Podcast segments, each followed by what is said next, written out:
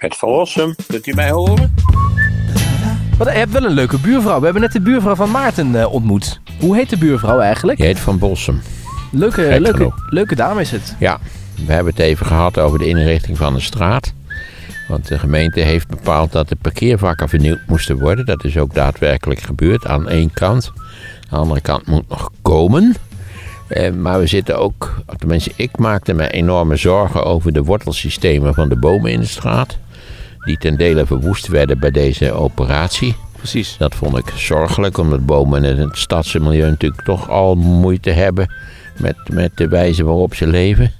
Eh, maar eh, mijn buurvrouw vond vooral de parkeervakken erg lelijk. Daar zit ook wel wat in, maar dat vond ik weer minder zorgelijk dan de bomen. Precies. We kunnen het even omschrijven. De parkeervakken die, eh, waar, die nu nieuw zijn, dat zijn echt van die, wat je altijd ziet van die moderne grijze stenen. Ja, of zwart met, met, met bovendien een soort witte streepjes erbij. Ja. Het is weer helemaal van deze tijd. Je Het bent is helemaal... wel van deze tijd, maar deze straat is natuurlijk ook niet helemaal van deze tijd. Nee.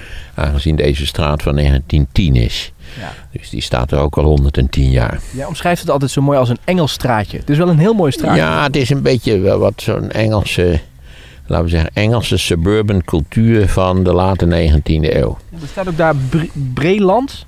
Ja, alle, alle huizen hebben een naam. Eh, en ook bij ons werd door de schilder aangeboden gratis de naam op het huis te schilderen. Maar toen konden wij het niet eens worden over de naam die het huis zou moeten krijgen. En wie is we? Mijn echtgenote en ik. Oh. Ik zei dat de beste beschrijving was Huizen de Chaos. En, maar zij zag daar niets in. Wat wilde zij dan? Ja, dat weet ik niet meer. Iets moois, denk ik. Of helemaal niet. Ja. Ons buurhuis heet Key West. Wat ik toch, ja, waar slaat het op, kun je je afvragen. Hey, kreeg, we kregen een hele leuke reactie. Eh, we hebben het eerder gehad over de koekjes die altijd eh, Ja, in het ik heb een hele doos vol met koekjes gekregen van de koekfabriek. Is het aangekomen? Want dat, dat was... Ja, het is aangekomen en ik wil de koekfabriek daarvoor hartelijk danken. ik zal ze ook nog een mailtje sturen om te danken voor zakken vol van de meest heerlijke koekjes. Want er had iemand een mail gestuurd van... Meneer Van Ros, op ons is ter oren gekomen dat u de koekjes zo mist. We hebben hier een heel pakket voor u klaar liggen. Ja, dat klopt. Wat En goed. ze, het is aangekomen. Nou, ik ben er heel, heel dankbaar voor. Ik ben een groot koekjeseter. Kopje thee, twee koekjes, minimaal toch. Het Heerlijk. zijn bovendien hele kleine koekjes voordat de luisteraars gaan denken... die die man die vreet maar eindeloos koekjes. Ja, Het zijn echt beschaafde kleine koekjes waar het net om de eerste beet en smaak gaat. zo is dat. We hadden gisteren een, eh, een leuk webinar. Eh, door de update van de computer deed alleen de webcam het niet. Maar ik heb eventjes teruggelezen. Dus de, de, voor de mensen die het gemist hebben. De webcam van Maarten deed het niet. Dus ik ben tijdens het webinar ben ik jou nog komen ophalen. Ja, het was een heel avontuur. Ja, het was een heel af. Maar mensen, ik had, we- na afloop kon je een lijstje invullen. Mensen vonden het eh, eh, spannend om mee te maken. Want ze vonden het spannend of je wel zou aankomen. Hetzelfde als Ah, ze Sinterklaas. waren bang dat ik zoek zou raken en nooit meer teruggevonden zou Precies, worden. dat de kolen van de stoomboot Ja. op zouden zijn en dat je niet zou aankomen. Dus, eh. Nou goed, dank allemaal voor, voor het kijken. We hebben veel leuke reacties binnengekregen. Even COVID-moment nog steeds. Ja, ik ben eh, normaal verkouden. Ja, dat is tegenwoordig denk iedereen dan dat je al, feitelijk al dodelijk ziek bent. Maar Ja. ik ben normaal verkouden. En Ja. Ik heb trouwens van de, last van. de- van de week eh, zag ik dat je bij eh, Op 1 was. Dus ik dacht, ga ik even terugkijken. Ik vond dat Philip heel veel aan het woord was. En jij kwam heel even aan het woord. Maar normaal ben je altijd, zit je op de spreekstoel en mag je veel vertellen. Maar ik vond dat niet zo erg dat Philip dat allemaal mocht zeggen. Ik vond het meer eigenaardig dat er vier gasten waren uitgenodigd. Niet waar voor een minimaal stukje van het programma. Het overgrote deel, 99%, ging natuurlijk weer over corona. Ik had mijn twijfels, maar omdat ik mij verplicht voel om de slimste mens toch, eh, laten we zeggen, ook in de media verdere bekendheid te geven, heb ik het gedaan. Maar als je mij vraagt, was dit ten opzichte van jouw opstelling volkomen zinloos? Dan is mijn antwoord ja, dat was volkomen zinloos. Het was nou dat Charles Groenhuizen mij nog een vraag stelde in een ander deel van het programma. Waardoor ik nog iets kon zeggen. Dat was met die economen hè, die ook Ja, aan dat tafel was zat. met die economen ja. en Toen haalde jij Koen Teulings nog aan. aan, die, aan de budgettaire problemen waar wij helemaal niet aan lijden. Eh, maar ja, ik, eh, laat ik het eerlijk zeggen, ik heb geen hoge pet op van op één. En maar van welke Ik heb er talkshow nu een wel? paar keer gezeten en het is altijd dezelfde melige gedoe. En dat je denkt, nou was ik maar thuis gebleven. Ja. Nou kijk, ze maken wel, eh, volgens mij hebben ze best wel goede kijkcijfers. Dus ze Ja, dat hebben ze wel. Dus kennelijk hebben de mensen op dat, dat tijdstip geen zak te doen en kijken ze naar op één. ja, ze zeggen altijd dat op eh, NPO 1 heeft altijd goede kijkcijfers. Want het zijn gewoon bejaarden die in slaap vallen en vergeten Tot hun op televisie. zekere uit- hoogte denk ik is dat juist. Ja. Maar hier had ik spijt dat ik een hoop, daar heb ik een hoop tijd in gestoken. Ik moest direct na afloop van de slimste mens naar Amsterdam. Daar zit je dan nog een uur duimen te draaien. Dan doe je dat programma. Dus voordat je thuis bent is het weet ik kwart over twaalf, half één. Nou ja, je hebt het zelf bekeken. En dus dan weet je dat ik dat, dat dit hele programma heb afgewerkt om, wat is het, eh, 25 woorden te spreken. Dat zal het zo'n beetje geweest zijn. Ik dacht, Maarten, die gaat wel even zich ermee bemoeien. Die gaat wel even inbreken. Nee, want ik wou ook Philip daar niet voor de voeten gaan lopen. Dus oh nee, precies. Hij deed het wel leuk hoor, Philip. Hij doet altijd eh, met heel, heel charismatisch. Zeker. Doet hij wij, dat? Wij, wij maken samen dat programma met het grootste genoegen. Ja, nee, hartstikke Waarbij leuk. hij bovendien natuurlijk verreweg het meeste werk verzet. Want hij staat achter dat lessenaartje en moet de vaart er een beetje inhouden. Ja, ja. Terwijl ik maar in die stoel hang en eh, af en toe maar iets zeg. ja, nou wat ik wel leuk vond om te horen is dat je dus nu gasten kunt krijgen door corona die je anders niet zou kunnen krijgen. Zoals Ja. Guus Meeuwis. Ja, precies, dat is waar. Maar er zijn nog tal van mensen die overigens als ze gebeld worden het liever niet doen. Ja. En dan gaan ze liefst wel bij het Vlaamse programma zitten. Want als ze natuurlijk afgaan, dan is het in Vlaanderen niet zo erg. dat ziet niemand. Daar vinden ze het gewoon heerlijk dat Hollanders afgaan. Maar in Nederland gaan ze liever niet af. Dus naar ons komen ze niet. En in Vlaanderen gaan ze wel. Hm. Beste meneer Van Rossum, denkt u ook dat eh, Wopke Hoekstra nu de nieuwe lijsttrekker van het CDA wordt? Nu Hugo de Jonge de handdoek in de ring heeft gegooid. Ja, als ik dat zou weten, dan zou ik iets weten wat de meeste mensen niet weten. En volgens mij Wopke zelf ook nog niet weet. Dat zegt hij Ja. althans. Eh, hij zegt, nou ja, hij zegt dat hij nu wacht op de reactie van het bestuur van het CDA. Ik moet zeggen dat ik het eh, misschien wel begrijpelijk vind van de jongen, maar dat ik van de drie personen waar het om gaat, eh Omtzigt, de jongen en eh, Hoekstra, dat ik de jongen verreweg de meest eh, vanzelfsprekende politieke professional vond. Eh, Wopke Hoekstra is een typische technocraat. Met het charisma van een, een flesopener, zal ik nou maar even zeggen. Eh, Omtzigt is, is toch is een heel voortreffelijk Kamerlid, Ja. maar wel een beetje een loner. Dat is niet iemand die, dat is niet een begeesterende teamleider, lijkt mij absoluut Nee, niet. doet een beetje zijn eigen ding. Dus eigenlijk zijn ze naar mijn idee de meest, meest redelijke professional politicus kwijtgeraakt. Door ook eindeloos door te zeiken in die partij. Hè. Je, je vraagt je altijd af, dit is een christelijk geïnspireerde partij, maar erg christelijk reageert men in die partij eigenlijk niet. Kun je een voorbeeld noemen? Nou ja, dat eindeloze, niet waar, achter de rug van de jongen roddelen dat hij het niet goed deed. En dat hij te vaak negatief in het nieuws was. Maar zat er En- niet iets in? Het was natuurlijk, dit is een ijdele man met zijn schoenen. En Ja, dat vind ik nou niet zo erg. Nogmaals, je moet ook een beetje ijdel zijn voor de politiek. En ik vind de andere twee, vind ik, en daar gaat het mij in dit geval om, vind ik minder geschikt om als lijsttrekker, partijleider te functioneren. Die bovendien zijn zij allebei een stuk rechtser volgens mij dan Hugo de Jonge. Ja, nou de, de officiële verklaring is het is niet te combineren. Hij heeft het heel druk met de coronapandemie. Dat, eh, maar hij had er natuurlijk ook wel schoon genoeg van om voortdurend achter zijn rug afgebrand te worden door allerlei partijroddel. Daar heb ik wel begrip voor. ja, dat hou je toch altijd in een partij. Als nu natuurlijk, eh, ja, stel maar dat... ik zou zeggen, juist een partij die zich laat inspireren door de christelijke naastenliefde, had hier wel Ja. iets oppassender kunnen opereren. Maar denk je niet dat dit al lang voorgekookt is en dat gezegd is, jongens, we gaan het met de jongen niet redden. De peilingen zijn slecht. Laten we nou met de jongen afspreken, die legt het eh, stokje erbij neer. Of die gooit het bijltje erbij neer. En we wachten eventjes en op een gegeven moment komt Hoekstra. En dat is de man waar we het mee gaan doen. Rach, fijn spel, kortom. Ik heb geen flauw idee, dat zou kunnen, ik weet het niet. Het zou een nog duisterder licht werpen, nietwaar, op de modus operandi van het CDA, de christelijk geïnspireerde partij, ik zeg het nog maar even. Het zou mij zeer verbazen als ze met Wopke Hoekstra wel veel betere cijfers zouden draaien, dat zou me verbazen. Het is een weinig inspirerende figuur. Wel een Nogmaals, staatsman, het- hoor. Met een staatsman, arme hoela, kom nou. Dat die indruk wekt Het hij is wel. een Als ik hem- technocraat. Als je je zo vergalopeert in Europa, zij het samen met Mark Rutte, dan ben je niet zo'n geweldige staatsman. Maar goed, dat is zijn visie. Daar kun je het in de politiek mee oneens zijn. Maar ik vind zijn het was voorkomen... een hele onverstandige visie. Maar goed, het is de waar, man... Daar zullen we ooit op afgerekend worden, daar twijfel ik geen moment aan. Oké. Maar goed, we hebben ons laten isoleren in feite en we hadden ons iets beter op de hoogte moeten stellen van wat de Fransen en de Duitsers wilden. Ja, ja, maar goed, goede leiders maken wel eens een uitgeleider. Ik heb wel het idee, als ik hem zie en eh, je kijkt naar zijn achtergrond met de, hij heeft bij een groot consultancybedrijf gewerkt, heeft daar veel verantwoordelijkheden gehad. Ik denk dat hij wel snapt hoe je de boel moet leiden en dat ook kan Nou, uitstralen. dat heeft, snapt hij zeker niet beter dan Hugo de Jonge, als je het mij vraagt. Hugo de een- Jonge is een succesvolle wethouder in Rotterdam geweest. En succesvol wethouderschap zie ik als een beduidend betere voorbereiding op de landspolitiek dan een, een, een baan bij zo'n consultancy.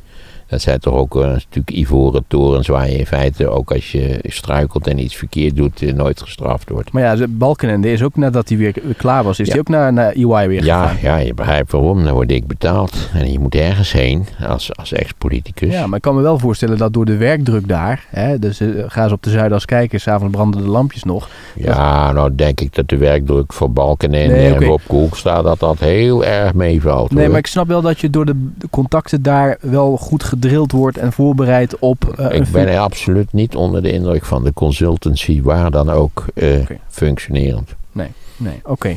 Ehm, ander puntje nog, maar dit is uit de wandelganger. En om, eh, we lezen het in de krant hè, om een beetje inzicht te krijgen in hoe dat dan in die partij gaat. Martijn van Helvert, zegt die naam je wat? Nee, dat zegt me nou helemaal niks. Die heeft ook nog heel eventjes meegedaan in die oh, dat is waar, bij de CDA. Die Ja. Limburgse man. Ja, kijk, dat die mensen die we van tevoren weten dat ze volkomen kansloos zijn bij die verkiezingen, die doen toch mee, want dan hebben ze een kans dat ze verkiesbaar op de lijst worden gezet. Nou, weet je wat het grappige is? Hij is dus teruggezet op de lijst. oh, aan. Naar een onverkiesbare plek. En is dus nu bezig met een, ja, een soort van eigen campagne om hoger op de lijst te dat, komen. dat begrijp ik, ja. Hij is natuurlijk pissig over het feit. Dus kennelijk heeft zijn strategie dus niet gewerkt. Nee.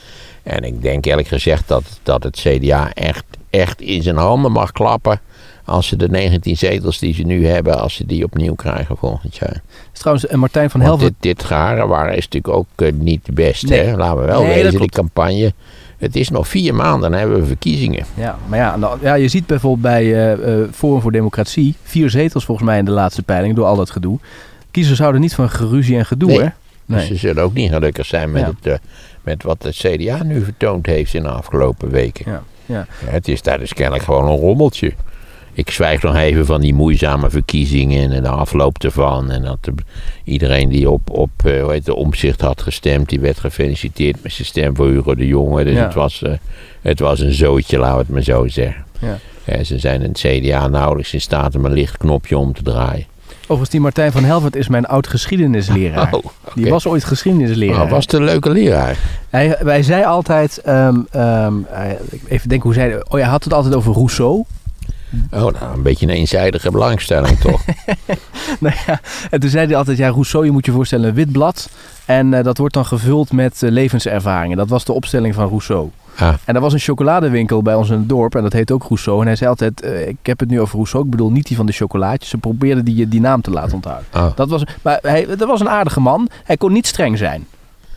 Ah, nou ja, dan zit je goed bij het CDA. Ik weet het niet hoor. Ja. Ik weet het niet.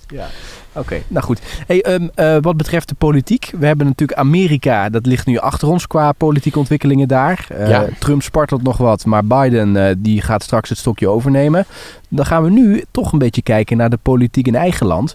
Ehm, waarbij toch het vrij saai lijkt te worden. Met de VVD ja, torenhoog boven alle andere partijen. Ja, met de Nederlandse politiek is meestal vrij saai. Als die namelijk niet saai is, is die in handen geraakt van warhoofden en gevaarlijke gekken. En nou ja, dat hebben we de afgelopen weken gezien. Niet waar? Denk aan Thierry Baudet, die in feite zijn eigen partij getorpedeerd heeft. Als ik het goed begrijp, omdat hij pissig was, slecht humeur had, nog wat meer verwarde gedachten had geventileerd. En we zien dus dat het CDA de zaak ook niet op orde heeft. En dat het CDA natuurlijk ook een beetje naast de rails rijdt. Ik, vond, ik had wel te doen Wat met... ik Bo- vrij stom vind. En ik begrijp dat de eh, D66 nu in een MeToo-schandaal verwikkeld is geraakt. Ja, wat Dus is daar de- gebeurd? Dat heb ik even gemist. nou ja, daar zegt men dat een prominent partijlid, de naam werd genoemd, en die ben ik ondertussen alweer vergeten, dat hij eh, ja, verschillende malen eh, dames onder druk had gezet om iets met hem te beginnen. Of niet te beëindigen, weet ik veel wat het precies is. En dat is nu anoniem naar buiten gekomen. En Kaag zit met de brokken. Want dat moet natuurlijk onderzocht worden. En dan moet een of andere prominent partijlid moet eruit gelazerd worden. Kortom, brokken die je ook niet graag hebt enkele maanden voor de verkiezingen. Nee, je kunt ook zeggen, ze hebben allemaal brokken, dus ze staan gelijk spel. Nou ja, tot op heden heeft de VVD weinig brokken. Nee. Dat komt dat de VVD in bezit is van een minister-president die relatief populair is voor Nederlandse begrippen. Ja. En meestal is het zo dat wie samenwerkt met de VVD in een coalitie, die verliest en de VVD wint daarbij. Hoe kan dat? Ja, dat is, een, dat is toch de bonus van de minister-president. Daar wordt wel van gesproken. Ik denk dat dat inderdaad zo is. Het is de meest prominente lid van het kabinet. Want geeft Nederlanders te, te doen om alle leden van het huidige kabinet op te noemen. Of alleen maar de belangrijkste dossiers, de belangrijkste portefeuilles. Dus ja, Rutte is altijd de man die in de schijnwerper staat. En Ja. bovendien is Rutte een, een op zichzelf zichtbaar charmante man. Eh, hij is tegelijkertijd ambachtelijk een goede politicus.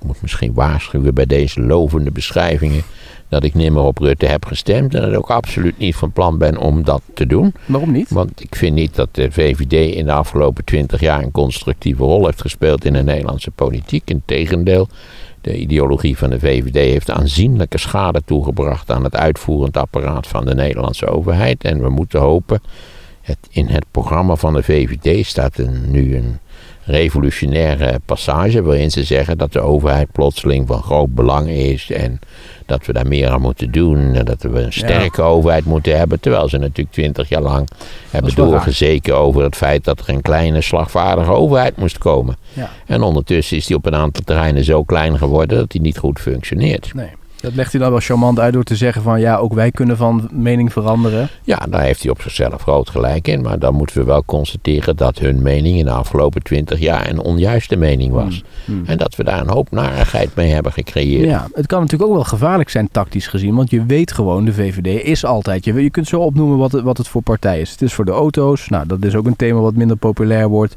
Eh, kleine overheid. Je weet wel wat je aan ze hebt. Nee, maar ze hebben nu in een programma staan dat ze juist een wat grotere en stevigere overheid willen Exact, maar hebben. door dat te hebben- veranderen kan dat best Ja, blijkelijk hebben ze, ik denk deels toch onder invloed van het corona-geval, hebben ze bijgestuurd. Dat is, dat is prijzenswaardig. Elk leergedrag in positieve zin is prijzenswaardig. Maar eh, we moeten wel in de gaten houden dat ze op een aantal punten eh, bepaald geen prioriteiten hebben die in de naaste toekomst of op de middellange termijn interessante of belangrijke prioriteiten zijn. Kernenergie sluiten ze ook niet uit. Nee, ik ook niet.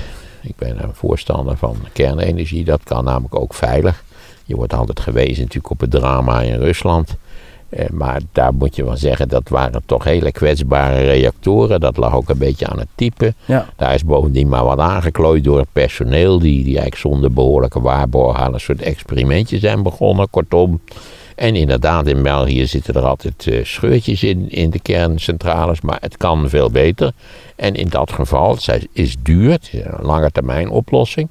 Maar feit is wel natuurlijk dat het CO2-vrij is. Nou ja, en laten we eerlijk zijn. eh, de, de plannen die we nu hebben voor de reductie zijn lang niet genoeg om Volstrekt te- niet. Volstrekt niet. Maar eh, op de wat langere termijn vind ik toch dat er eigenlijk eh, ook, ook in Europa, hè, want dat zit ook met een omvangrijk eh, groen programma. Maar denk ook aan de Chinezen, die weliswaar nog steeds kolencentrales bouwen, maar die toch zo zeer bewust zijn van de problemen. Ja. Eh, dan denk ik toch dat op de langere termijn, waar ik trouwens sowieso niet bij zal zijn gezien mijn leeftijd, eh, dat er wel degelijk eh, eh, vrij fundamenteel gewerkt wordt aan een energietransitie. Ja. Je zag van de week zo'n kaartje dat eh, hadden ze de CO2-uitstoot van dit jaar, coronajaar, op rij gezet. China was weer vrij snel terug op het oude niveau. En Europa en Amerika, wat wat langer duurt, daar zie je dus dat we best wel ingeleverd hebben dit jaar. Ja, en bovendien in Economist stond een heel blad overigens wat ik iedereen van harte kan aanbevelen. Dat kan gelezen worden door progressieven die dan daarbij een beetje kritisch moeten denken. Maar Moet je wel Engels kennen. ja, je moet wel Engels kennen en bovendien is het ook niet geschreven voor mensen met, met laten we zeggen, die bij de kleuterschool al problemen hadden. Met, de- met de zaken die daar geleerd moeten worden. Dus dat is, zou ik zeker niet aan- in die zin niet aanbevelen. Maar die hadden een heel interessant stuk waar je ziet hoe enorm het gebruik van kolen in West-Europa is teruggelopen. Ja. Dus er wordt altijd gezegd, het is te weinig en te laat en we zijn al over de rand van de afgrond gereden. Het- het- Er zal nog een zekere. eh, het, natuurlijk schiet dat oude systeem deels door, daar ben ik van overtuigd. Maar er wordt wel degelijk hard gewerkt, ook op de middellange termijn, aan de energietransitie. Voor een historicus gaat het snel. Voor iedereen die begaan is met, met het lot van de koolmeisjes, gaat het wellicht te langzaam. Ja, maar het is natuurlijk wel zo dat wij als land, en natuurlijk we moeten ons op onszelf richten, maar wij doen natuurlijk in de wereld, hebben we qua invloed maar zo'n klein beetje ja, wij natuurlijk. moeten onze eigen invloed niet eh, overschatten natuurlijk. Want daarom had ik het ook over het groene programma van de Europese Unie. Waar natuurlijk de rechterzijde weer geweldig om gelachen is. En dat is allemaal verkeerd. En Timmermans begreep er niks van. Maar dat is wel degelijk van fundamenteel Ja. belang. Ja. En Europa, de Europese Unie, is op het wereldtoneel wel een speler Precies. van formaat. Maar ik maak me meer zorgen om bijvoorbeeld landen als India, waar ze dus nu langzaam wat eh, eh, welvarender worden. Zeker. En ze denken, wij gaan ook lekker in een auto rijden. En dat is prima benzine. Weet je, laat ons nu Ja. eens eventjes van die welvaart profiteren. Ja, zeker. Dan zit je met het probleem dat ze meteen al eh, eigenlijk met de transitie moeten beginnen. Terwijl nog, geen, nog sprake is van een mogelijk snelgroeiend eh, behoefte aan, eh, aan energie. Dus het is wel interessant hoe we dat, eh, hoe we dat op gaan lossen. Ja, het is, de transitie blijft duur, hè, nog steeds. Ook voor ons hier in Nederland. Ja, de transitie is duur, maar we hebben geld zat. Eh, dat- maar daar dat- niet. moet- daar mo- nou, misschien kunnen we ze een beetje helpen, maar ik dacht dat de Indiase economie bepaald niet, zich niet slecht ontwikkelde. Nee. En de Chinezen hebben geld zat. Ja, ja dat klopt. Dat, is natuurlijk misschien wel geconcentreerd bij een aantal groepen dan. We hebben er uiteindelijk allemaal belang bij, maar je moet het wel gezamenlijk doen. Je moet gezamenlijke afspraken maken. Ja. Kijk, het heeft weinig zin om het alleen in Denemarken en Nederland serieus aan te pakken. Nee. Wel goed dat Amerika nu ook weer dat pad opgaat. Hè? Dat ze ook serieus mee Ja, gaan nou doen. goed, Amerika heeft natuurlijk eh, langdurig ontkend dat er überhaupt milieuproblemen waren. Dat was een gevaarlijke uitvinding van links. Trouwens, ja, ook al die mensen die op Twitter zo enorm zeker wisten dat Trump zou gaan winnen. Mag ik op Twitter ook eens een uitleg uwerzijds horen waarom Trump eigenlijk nogal vrij significant heeft verloren? Dat zou ik wel op prijs stellen. Maar ik denk dat die En mensen... misschien ook al die mensen die vanuit de hoek van het Forum voor Democratie zo enorm goed konden schelden op alle andere partijen die nergens iets van begrepen. Hoe staat u daar nou in in uw ruïne? Hè? Waarschijnlijk zijn uw sandalen ook al verbrand, zo treurig is het. Het Nou ja. brandende Troje had Thierry het over. Je kunt beter zeggen het brandende Forum. Maar goed, ik denk dat die mensen zeggen... luister, Trump heeft helemaal nog niet verloren. Want het Als wordt ze nog dat zeggen, ja, als ze dat zeggen, dan bevinden zij zich toch in een hele wonderlijke positie. Dat je in feite systematisch ontkent wat, wat zelfs door veel republikeinen, althans op het lagere bestuurlijke niveau, simpelweg wordt toegegeven en wat zo evident is als wat. Ja, maar Nee, ik begreep dat, dat las ik ook in de krant, dat Thierry ook er vast van overtuigd was dat, eh, dat Trump had gewonnen en dat de overwinning hem ontstolen was.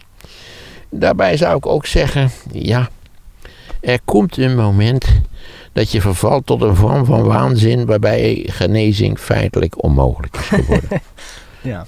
Ja. ja, kijk, ik, ik, aan de ene kant, ik ben het helemaal met je eens. Aan de andere kant denk ik, ja, die Trump die krijgt het dus toch voor elkaar dat er mensen zijn die hem gewoon napraten. Want als je die, die Vox-pops op tv hoort, ze lullen gewoon alles na wat hij ook Ja, zegt. maar door alle onderzoek blijkt dat de meerderheid van de Republikeinen vast ervan overtuigd is dat inderdaad de verkiezingsoverwinning is gestolen. Maar heel veel bedrijven betalen heel veel marketinggeld om dit te bereiken. Wat hij dus met een paar tweets doet. Ja, daar zie je aan hoe enorm emotioneel de binding is van een deel van zijn kiezerskorps.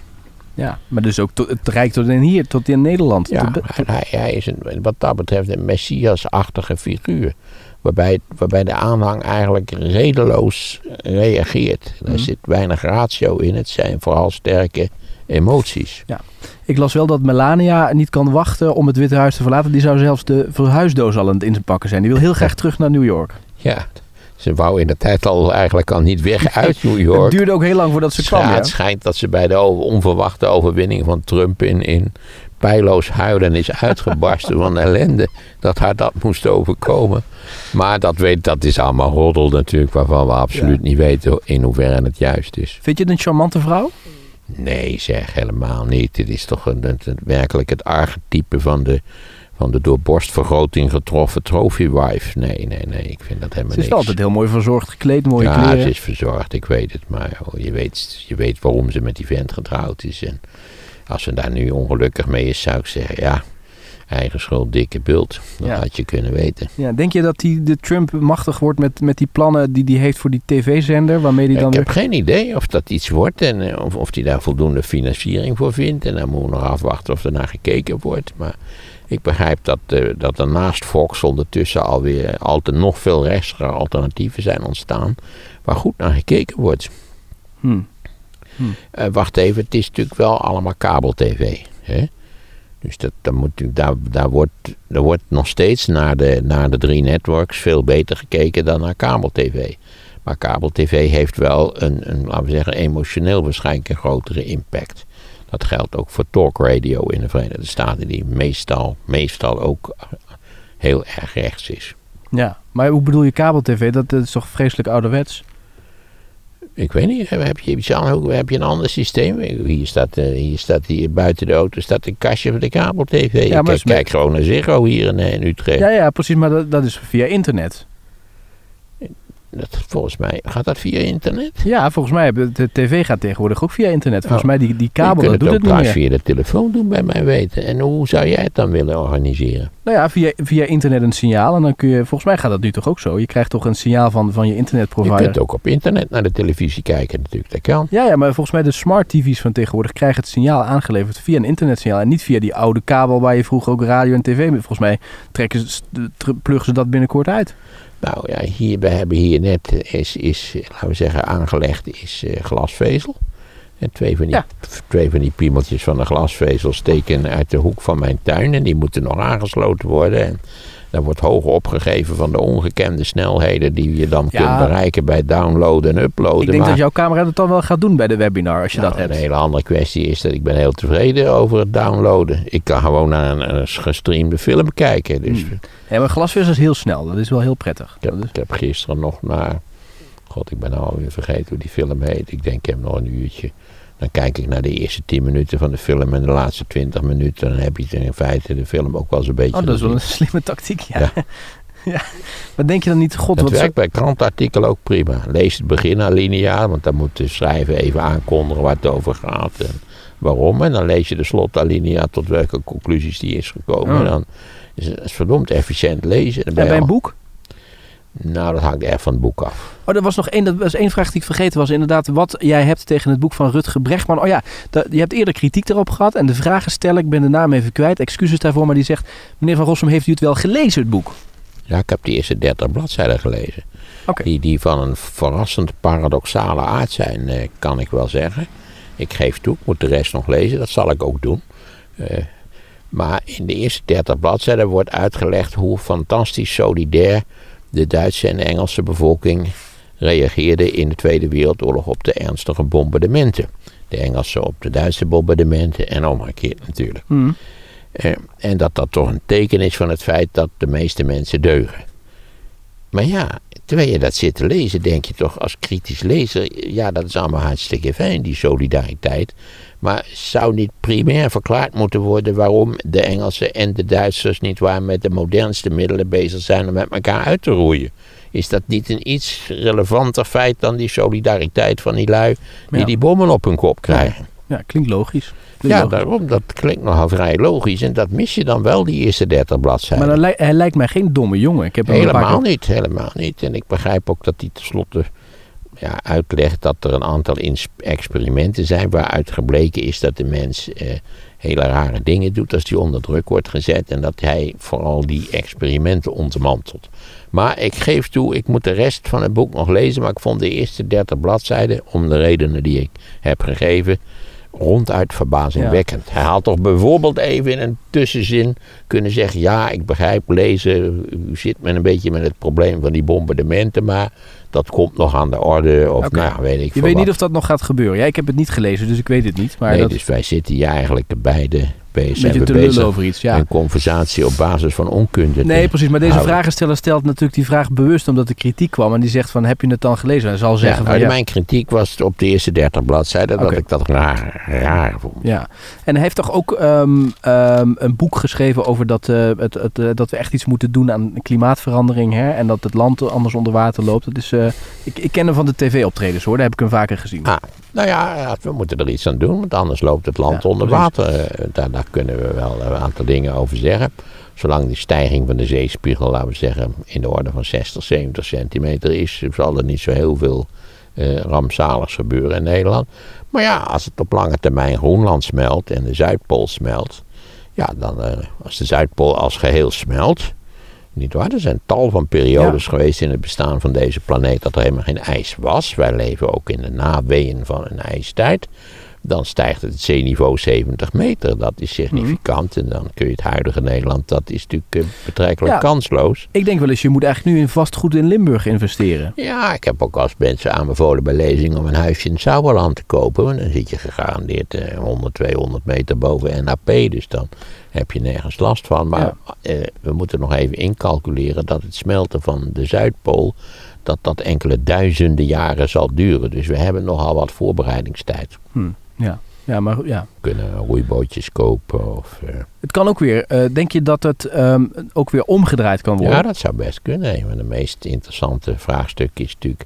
Kijk, onze ijstijden die hebben een hoge periodiciteit. Dat we zeggen, die keren om de x jaren, niet waar, keert dat weer terug. Niemand weet, er is wel, wel veel over gepubliceerd, over de oorzaken van de periodiciteit.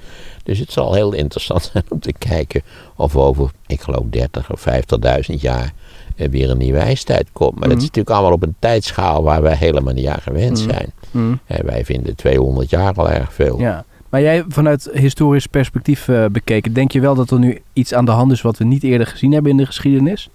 Ja, en dat ligt vooral aan de mens. Hmm. Dat, ik, laten we zeggen dat, de- ik denk als we even terugkeren naar 1900, toen was het aantal mensen op de planeet, dat zat onder de 2 miljard. Ik denk als je terugkeert naar 1500, dat je ergens op de 1 miljard maximaal zit. En we zitten nu op eh, ruim 7,5 miljard, als ik het wel heb. Hm. En we zijn op weg naar de, dat weten we niet precies, omdat wel de toename aan het eh, verminderen is. Maar we zijn op weg naar 10, 11 miljard. Ja, ja, En dat is niet waar gezien het eh, energiebeslag van veel mensen, ja. is dat natuurlijk een heel groot probleem. Nou ja, ze hadden in China ooit de eens, eens, één kindpolitiek. Je zou kunnen Ja, zeggen. die was vrij effectief, maar die heeft ook heel veel eh, negatieve gevolgen gehad. Vooral omdat heel veel meisjes geaborteerd werden. Omdat het veel fijner is, vinden veel mensen om jongens te krijgen. Mhm. En dat met als gevolg dat China met een immens mannenoverschot zit. En bovendien met een heel snel verouderende bevolking. Maar je zou kunnen zeggen, het is asociaal ook als Nederlander om meer dan twee kinderen te krijgen, gezien wat, er, eh, wat dat voor effect Nou, ja. aan de aarde. Eh, Dat hangt er maar vanaf hoe je er tegenaan kijkt. Je kunt wij, wij hebben, eh, daar is in Nederland groeit de bevolking nog. Eh, anders dan in veel Europese landen. Maar dat ligt dus niet aan de autochtone bevolking. Want die plant zich in onvoldoende mate voort om zichzelf te vervangen. Dat ligt vooral aan een vrij omvangrijke immigratie in Nederland. Hm, Waar we zelf ook aan meedoen, omdat we mensen uitnodigen om hier onder andere te komen werken. Dat we het wel fijn vinden dat er mensen eh, asperges komen steken. En aardbap, eh, de, Ja. de aardbeien komen plukken. Precies. En allerlei andere werkzaamheden. En het dan gek vinden dat waar de wij, familie ook waar wij geen purf in hebben. hè? Precies, precies. Ja. ja, het is toch gek dat het nu zo'n, eh, vraag me zo- nu in de Randstad, hè, we hadden het er gisteren nog over dat het zo'n gekte is qua huizen. En dat over duizenden jaren misschien de boel onder water staat en dat dan niemand meer een stuiver geeft voor Ja, huis. goed, wat is de afschrijvingstermijn van een huis? Deze straat is nou toevallig relatief oud voor Nederlandse begrippen. Ik woon in een straat waar de meeste huizen zo 110 jaar oud zijn. Eh, Maar de afschrijving van een beetje een gebouw is een kwart eeuw ongeveer. Dan kan het tegen de grond, dan heeft het zijn functie gehad. Eh, dus het is, het is niet, ja, we hebben toevallig hebben wij nu een, een, vinden wij het leuk om monumenten te bewaren. Dus niemand zegt nou de dom staat er nou eh, toevallig even kijken ruim 600 jaar, dus kunnen we beter afbreken. En dan iets nieuws neerzetten. Nee, dat is niet zo. We willen ook een deel van het, ons erfgoed Ja, bewaren. Maar Ja. hoe dat natuurlijk eh, te organiseren valt op termijnen van duizenden jaren, dat is een Nee, interessant precies. vraagstuk. precies. Even kijken, er is nog iemand die, eh, we hadden het net over de politiek, die vraagt van eh, of je het verslag hebt gelezen van eh, het optreden van Mark Rutte bij Linda de Mol. In, Dat heb ik. Ik heb het, eh, het optreden niet gezien en ik heb het verslag niet gelezen. Oké, er, waren wel, er waren bijna 2 miljoen mensen die hadden ernaar gekeken. Deze vraagsteller ook. En die zei Mark Rutte was zo leuk zichzelf. En had zo'n leuke gesprekken met Linda de Mol. Onder andere over zijn relatie die hij niet heeft. Nou ja, dat is natuurlijk wat mensen interessant vinden. Want ja, zodra het over politiek gaat en beleid en coalitiepolitiek en Europese politiek, haken ze af, want ze begrijpen niet waar het over gaat en het is allemaal veel te ingewikkeld. Dus wat is er fijn en dat hij dan met Linda leuk, leuk heeft zitten smoezen over de dagelijkse dingen. Vind jij het belangrijk? Houdt hij van pindakaas? Ik heb geen flauw idee, maar je zou het hem kunnen vragen. Nee, het ging erover dat hij volgens mij pas in 2017 of zo een, zo'n plasma, zo'n dunne tv heeft gekocht, onder andere. Is het belangrijk dat een premier een relatie heeft? Maakt hem dat een mindere of, of helemaal? Totaal onbelangrijk. En ik heb eigenlijk liever dat hij zoals Rutte dus ongetrouwd is en geen relatie heeft. Omdat als hij wel getrouwd is en kinderen heeft of een relatie heeft, dat we eindeloos dat godvergeten gezeik moeten aanhoren over die relatie. Waar die vrouw dan de kleertjes koopt en, en eh, waar ze met vakantie gaan. En nou ja, god, het, het, het gezeik is Was dat bij hebben- Lubbers ook zo? En ja, we, ja, we hadden Ria Lubbers en die dan verschenen steeds in talkshows. En dan zei ze dat, dat Ruud te hard werkte, dat hij zo weinig thuis was. Ja. Ja.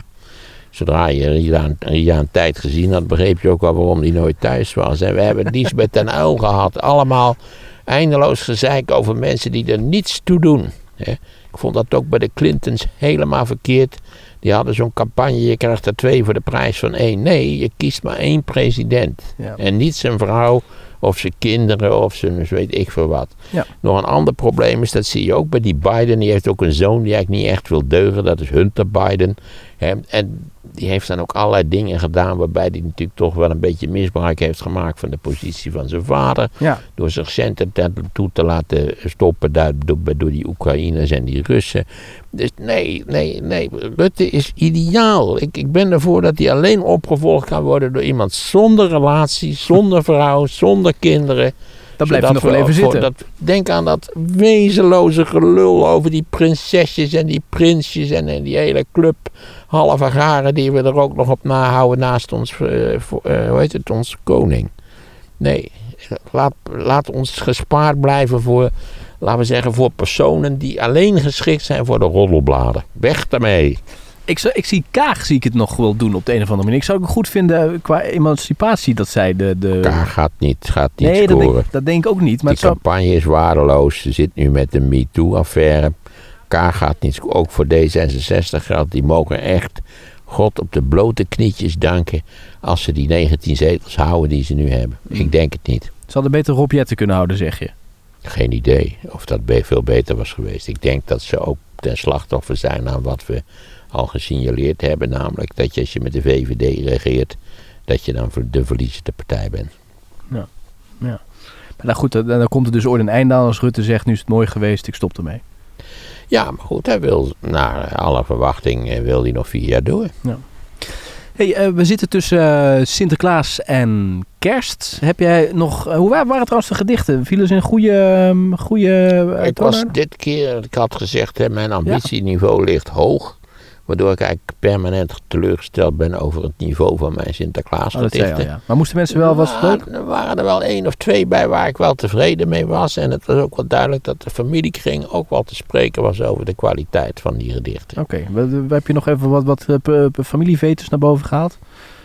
Nee, maar je, op zichzelf maak je natuurlijk wel een gedicht over, over een paar interessante familiepuntjes. Dat spreekt vanzelf. Ja, ja. Dat Hey. is de bedoeling van het Sinterklaasgedicht. Hè? ja, ja. En nu de kerstboom opzetten? Ja, ga ik niet over. Ik heb vorig jaar hadden we een kerstboom met een kluit. En ik neem me altijd voor, dit was niet de eerste keer dat dit drama zich voltrok, om die kerstboom dan na een maand of wat dat hij in de voortuin heeft gestaan, ergens in een gezellig bos in te graven. Ja, dat is wel goed. Tu- tussen alle andere fijne kerstboompjes. En elke keer komt het er niet van. Vergeet ik het een beetje. En dan ergens in juni, juli.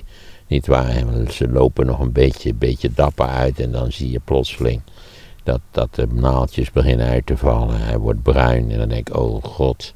Niet waar. Weer een lange, lange moord op zo'n sympathiek kerstboompje. Maar dan staat hij nog in jouw huis. Nee, ik ben gek. Hij zegt, nou, na de kerst wordt hij natuurlijk in de voortuin gezet. Oh, Dus zo. Ik dacht dat je hem zo lang liet staan. Dat beetje zoals in een nee, studentenhuis. Nee, nee, nee, ik, nee, vanzelfsprekend niet. Dus ik heb mijn vrouw nu toestemming gegeven om een paar takken te nemen. Dat is voldoende. Oké. Ja, er zijn studentenhuizen die laten hem gewoon tot de zomer staan. Hè, totdat er geen naald meer op zit. Ja, ik heb hem in de voortuin laten staan. Tot hij ook eigenlijk half dood was. ja. Hoe laat is het nu? Het is nu, eh, ja wat is het? Eh, Ik zie 38 minuten zijn we al aan het lullen. Dus eh, we zijn begonnen rond eh, kwart voor vijf, denk ik. Nou ja, dus het zal half zes. Het is etenstijd nu. Oké. Ja, nee, het eten staat klaar. Ik ga als een scheet naar binnen. Moet, vanavond moet ik nog naar Zevenhuizen. Zevenhuizen? Wat Ja. ga je daar doen? Een lezing houden. Oh, mag dat fysiek weer? Ja, ik heb gebeld en, en ze zijn in staat om alle, alle regels Oh, die noodzakelijk zijn in acht te nemen. Dus Waar ga je het over hebben? afstand. Ze vragen Amerikaanse verkiezingen Oh, dat is wel een in beetje... Zevenhuizen. is wel een beetje... eh, Was dat na de Ja, maaltijd? Misschien denken ze in Zevenhuizen ook dat Trump gewonnen heeft. Ik weet het niet. Ja, nou, veel sterkte. Ja, dankjewel.